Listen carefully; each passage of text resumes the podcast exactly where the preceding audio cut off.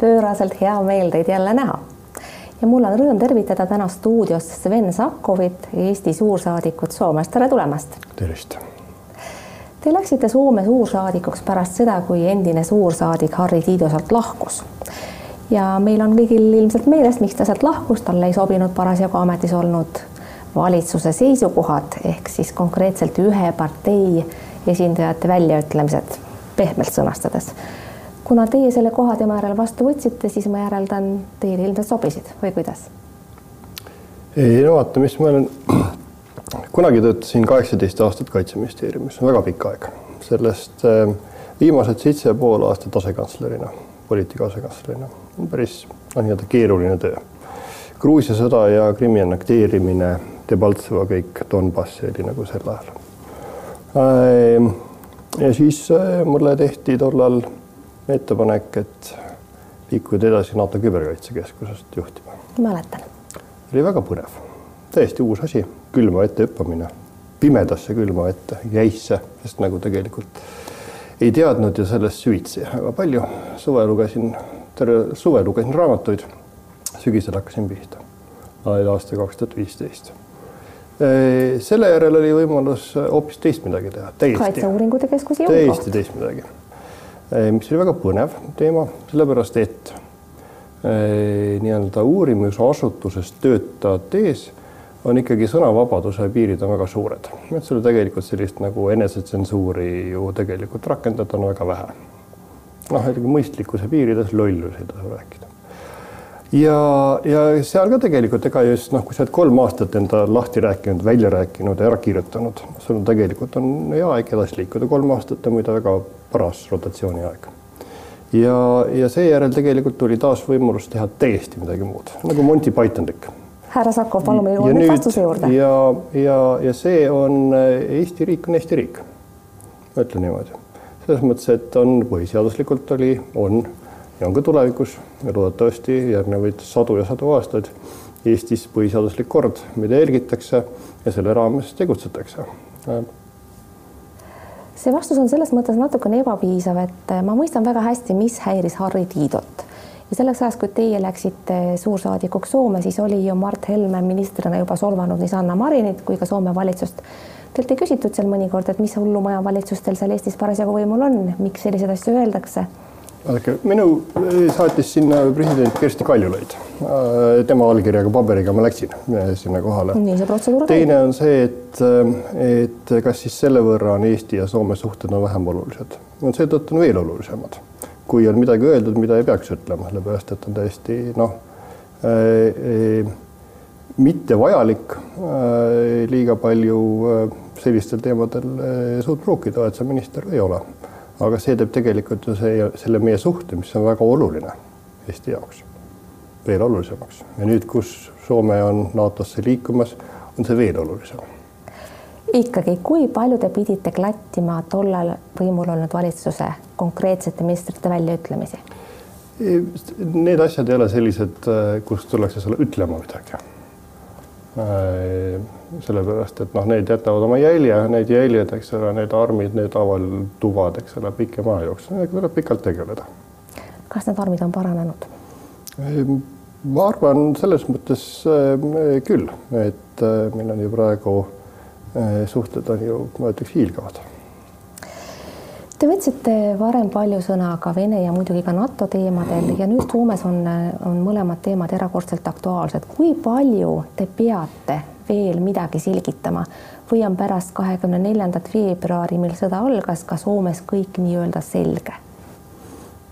ma arvan, et Soomes on väga selge, avalik arvamus on väga selgelt muutunud, eks ole, viimase kolme kuu jooksul, eriti mis puudutab NATO-t aga ka suhteid Venemaaga ja selle olulisust. ja ma arvan, et sellel teemal ei ole seal midagi nüüd nii väga vaja äh, selgitada.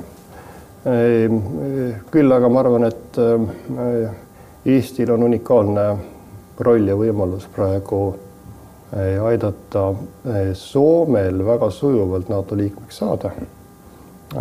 sest nii-öelda, kui me oleme mõlemad NATO liikmed, siis see avab meile tegelikult Äh, sõjalise kaitse julgeoleku koostöö osas täiesti uued perspektiivid, mida varem ei ole ja või mida võib-olla umbes noh, üheksa, tuhande üheksasaja kolmekümnendatel aastatel unistati ja kaitseväelased natuke planeerisid muide, siin Eestis tihtipeale vaadatakse Soome astumist NATO-sse Eestis just, ma pean silmas sellelt seisukohalt, et mida nii-öelda meie saame ja kuidas meie kaitse paraneb.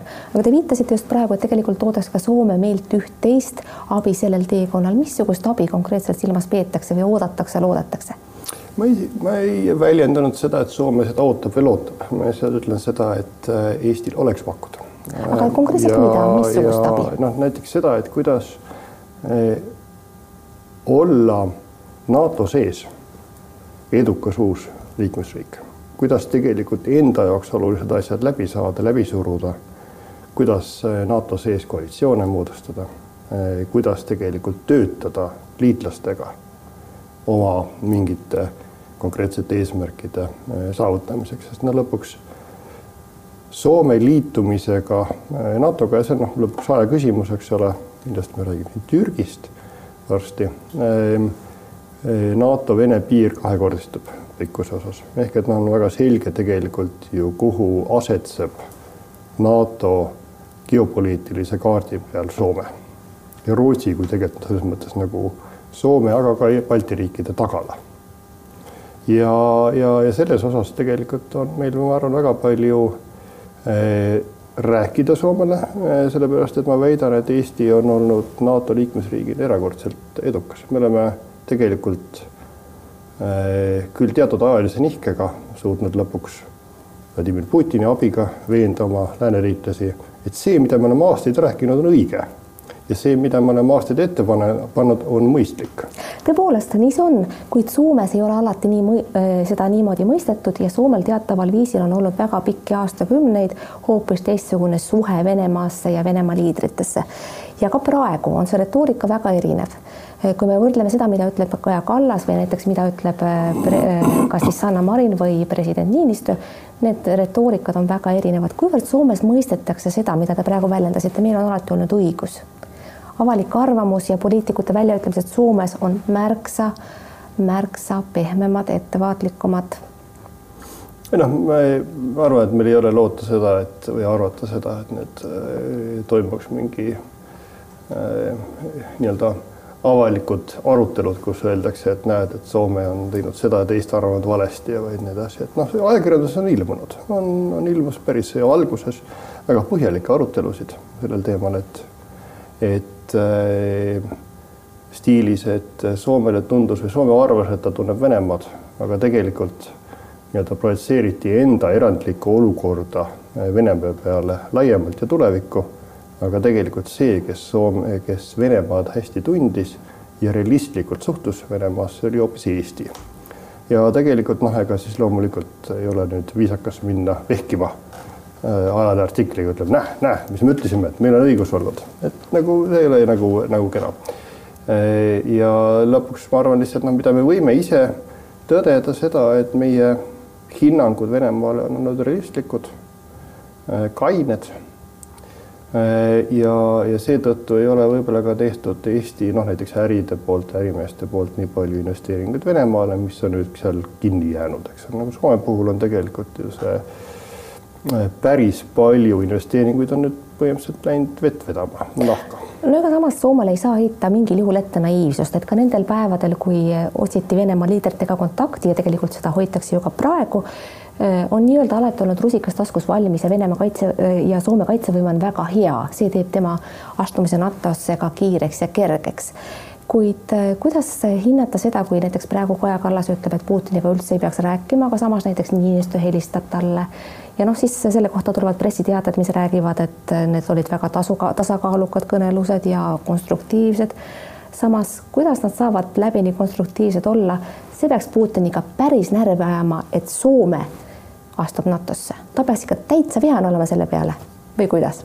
no sellega sa tegelikult eh, tunnistad õigeks Vene propaganda selle jutulõnga, et kõiges on süüdi NATO laienemine ja see, et NATO on kuidagi ohtlik Venemaale äh,. väga selgelt praegu NATO selle reaktsiooniga, mida tegelikult Vene riigijuhid on Soome ja Rootsi NATO-sse astumise osas nagu väljendanud, on nad andnud tegelikult väga selgelt märku, et see, mida nad varem rääkisid, mäletame eelmise aasta lõpus, NATO laienemine kõiges süüdi, see tuleb ära lõpetada ja see on muide see protsess, see on see aeg, kui tegelikult Soomes hakkas palju liikuma. Kuna tegelikult äkitselt hakati nende välispoliitilist manööverdamisruumi kitsendama, neil oli kogu aeg viimased viisteist aastat olid jätnud endale sellise NATO optsioon, optsiooni NATO-sse astuda. ja, ja nüüd hakati seda nagu siis kitsendama nüüd äh, see, kui president Niinistö helistas äh, Putinile, oli üks päev peale või samal päeval peale seda, kui, kui Soome oli siis oma otsuse teinud NATO-sse astuda. jah, enne, enne avalduse esitamist. ma võiks öelda seda, et ta helistas väga konkreetselt jõupositsioonilt, öelnud seda, me oleme sellise otsuse teinud, eks ju, informeerib oma nii-öelda siis naaberriigi presidenti sellest, et nüüd on niimoodi ja ma ei leia, et see tegelikult oleks nagu halb, sellepärast et ta, selle asja eesmärk ei olnud see, et äkki leiab mingi lahenduse, et mis peaks Ukraina teile andma, eks ole okay.. ja see, et kui ja see ehk, et see, kui, kui peaminister Kallas on äh, rääkinud sellest, et äh,, et äh, ei ole mõtet Putinile helistada, see kontekst on ikkagi olnud siis konkreetselt, eks ole, siis äh, Vene sõja siis kontekstis kus ja nagu, eks ole, peaminister Kallas on öelnud, et kui, kui talle pidevalt helistatakse, et nad leiavad mingi lahenduse Ukraina sõja osas, see annab märku ju tegelikult Putinile sellest, et A, ta ei ole isoleeritud, B, tal läheb hästi, sellepärast et teine pool, lääs, tahab ju tegelikult nüüd ära lõpetada, järelikult ma saan edasi kruttida pinget ja minna kaugemale ja kaugemale ja kaugemale ehk tegelikult ma lõpetan lause ära. minu arvates eh, on eh, eh, õige taktika nii-öelda, mis puudutab nii-öelda siis nii-öelda sõja lõpetamist, on Ukrainale anda kõike seda abi, mida nad soovivad. kõige kaugema ulatusega suurtükiväesüsteeme, mis on olemas. Ameerika on kuskil nii-öelda poolele teele jõudnud sellel, selle, selles ulatuses ja siis oodata, kuni Putin läänele helistab ja kas see, ma arvan, et see ei ole Euroopa, kuhu ta helistab, ta helistab siis ikkagi pigem Biden. ehk ta tahab lühidalt kokkuvõttes, ta tahab öelda, on väga suur vahe, kas helistab Niinistö või Macron? vahe on see, millest räägitakse ja hästi. ütleme, ega ma ei väida ka seda, et ma väga hästi teaksin, mis on Macroni ja Putini kõneluste sisu. Kahjuks ei tea sellest avalikkus kuigi palju. seetõttu ma ei tahaks teda ka hakata siin avalikult hukka mõistma sellepärast et ma olen aru saanud samas, et võib-olla ta helistab hoopis Zelenski palvel. nii räägitakse. Soome jaoks on NATO-sse astumine siiski väga suur paradigma muutus ja kuigi see avalik arvamus on sellele väga kiiresti järgi tulnud, on see siiski midagi, midagi, mida ei ole enne olnud ja mis on tõesti suur muutus. kas praegu on mõnes mõttes nii-öelda lihtne soomlane mõnevõrra rahunenud ka, sest kui see NATO-sse astumise uudis tuli ja see avalik arvamus hakkas kerima siis äh, päris mitu minu tuttavat rääkis, et kõik soomlased, noh, see on alati muidugi aluseta üldistus, aga et kõik soomlased on juba kassidele ja koertele passid teinud, rääkimata lastest. sõjaohtu peetakse nii suureks, et valmistutakse emigreerimiseks. on see praegu mõnevõrra rahunenud? Äh, kõik need soomlased, keda mina näen, on selle sõjauudise peale võtnud äh, vintpüsside kapist ja hakanud seda õlitama, mitte kassile passi tegema teine on see, et minu arust on äh, soomlased väga erakordselt rahulikud. Neil on küll väga tugev selline julgeolekuline mõtlemine, noh, nad mõtlevad oma turvalisuse peale.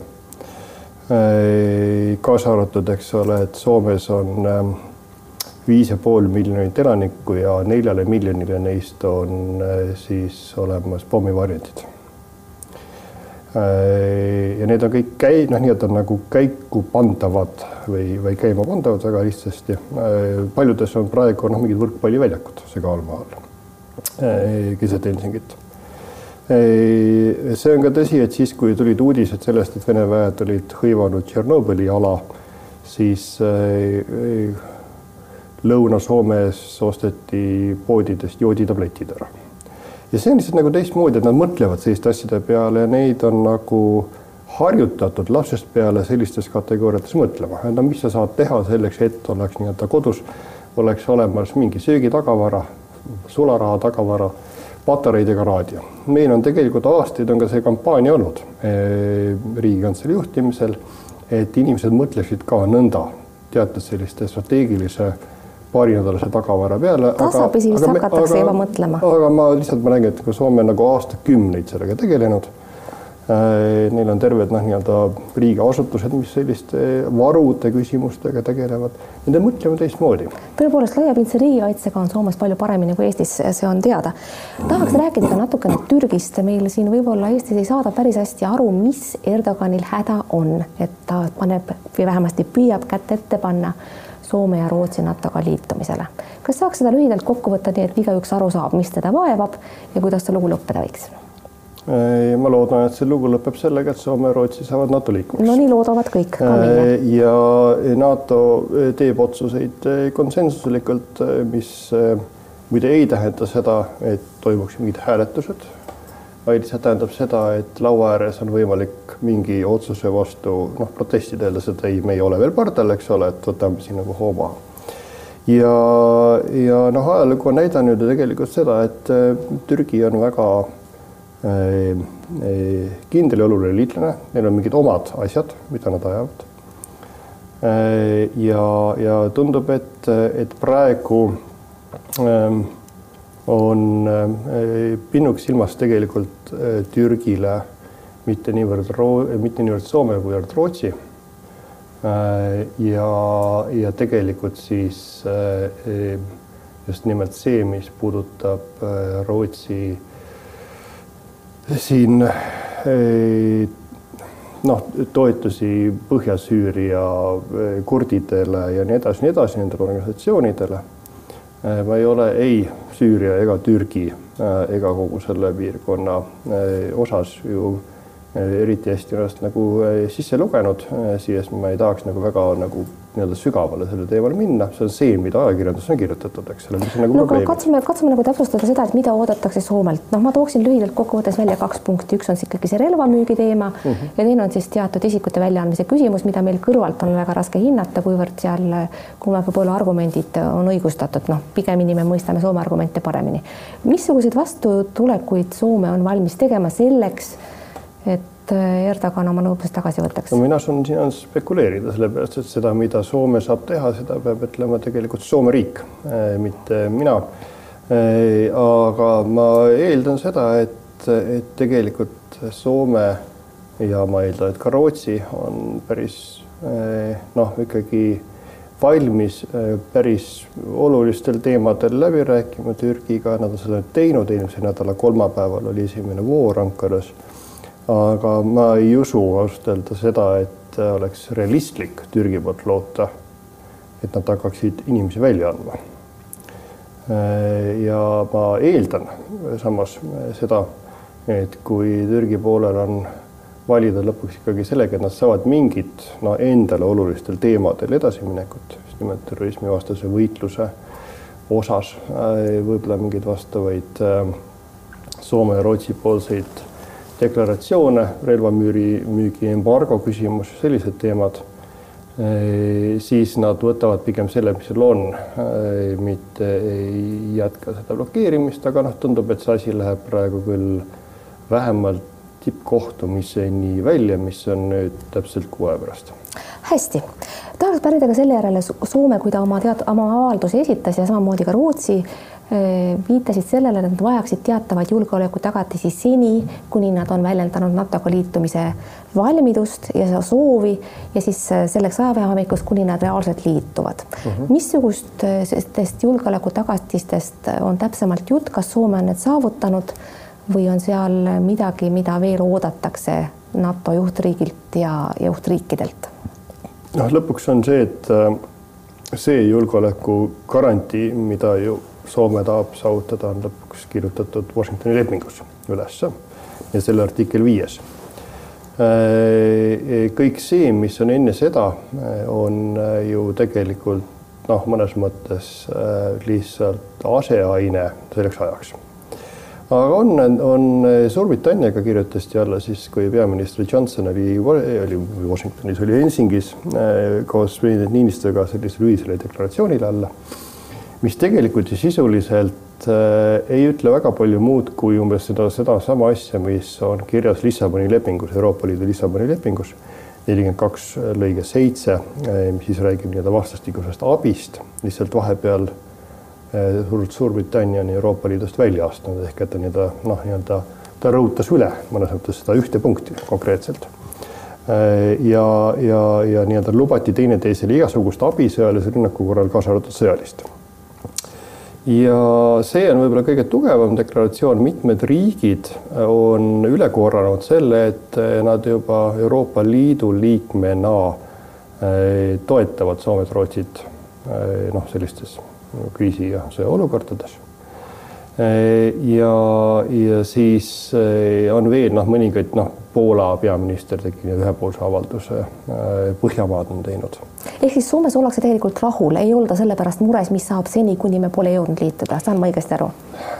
Soome kaitseväes on mobilisatsioonijärgselt kakssada kaheksakümmend tuhat meest ja naist, relvastatud, valmis riiki kaitsma.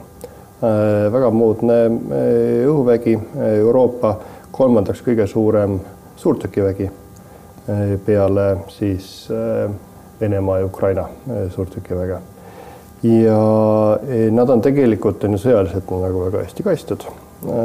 ja neil on, eks ole, tegelikult ma arvan, on olnud rohkem muresid, mulle tundub, vähemalt on avaldatud seda rohkem avalikult äh, igasugustes nii-öelda hübriidmõjutustegevuse spektris, mida Venemaa võiks teha.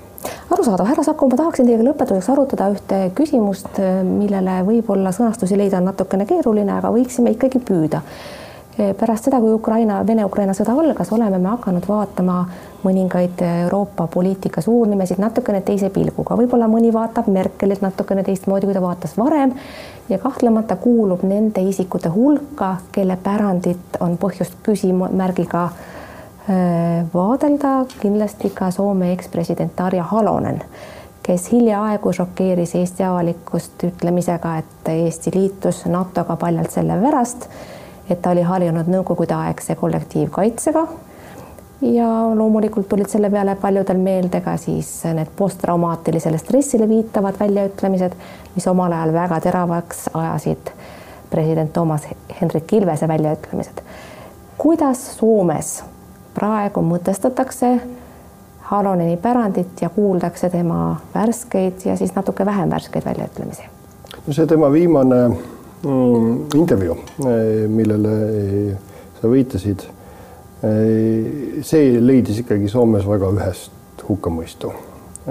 ja, ja ma arvan, et tegelikult noh, ta on ikkagi väga selgelt jäänud ajaloo lehekülgedele.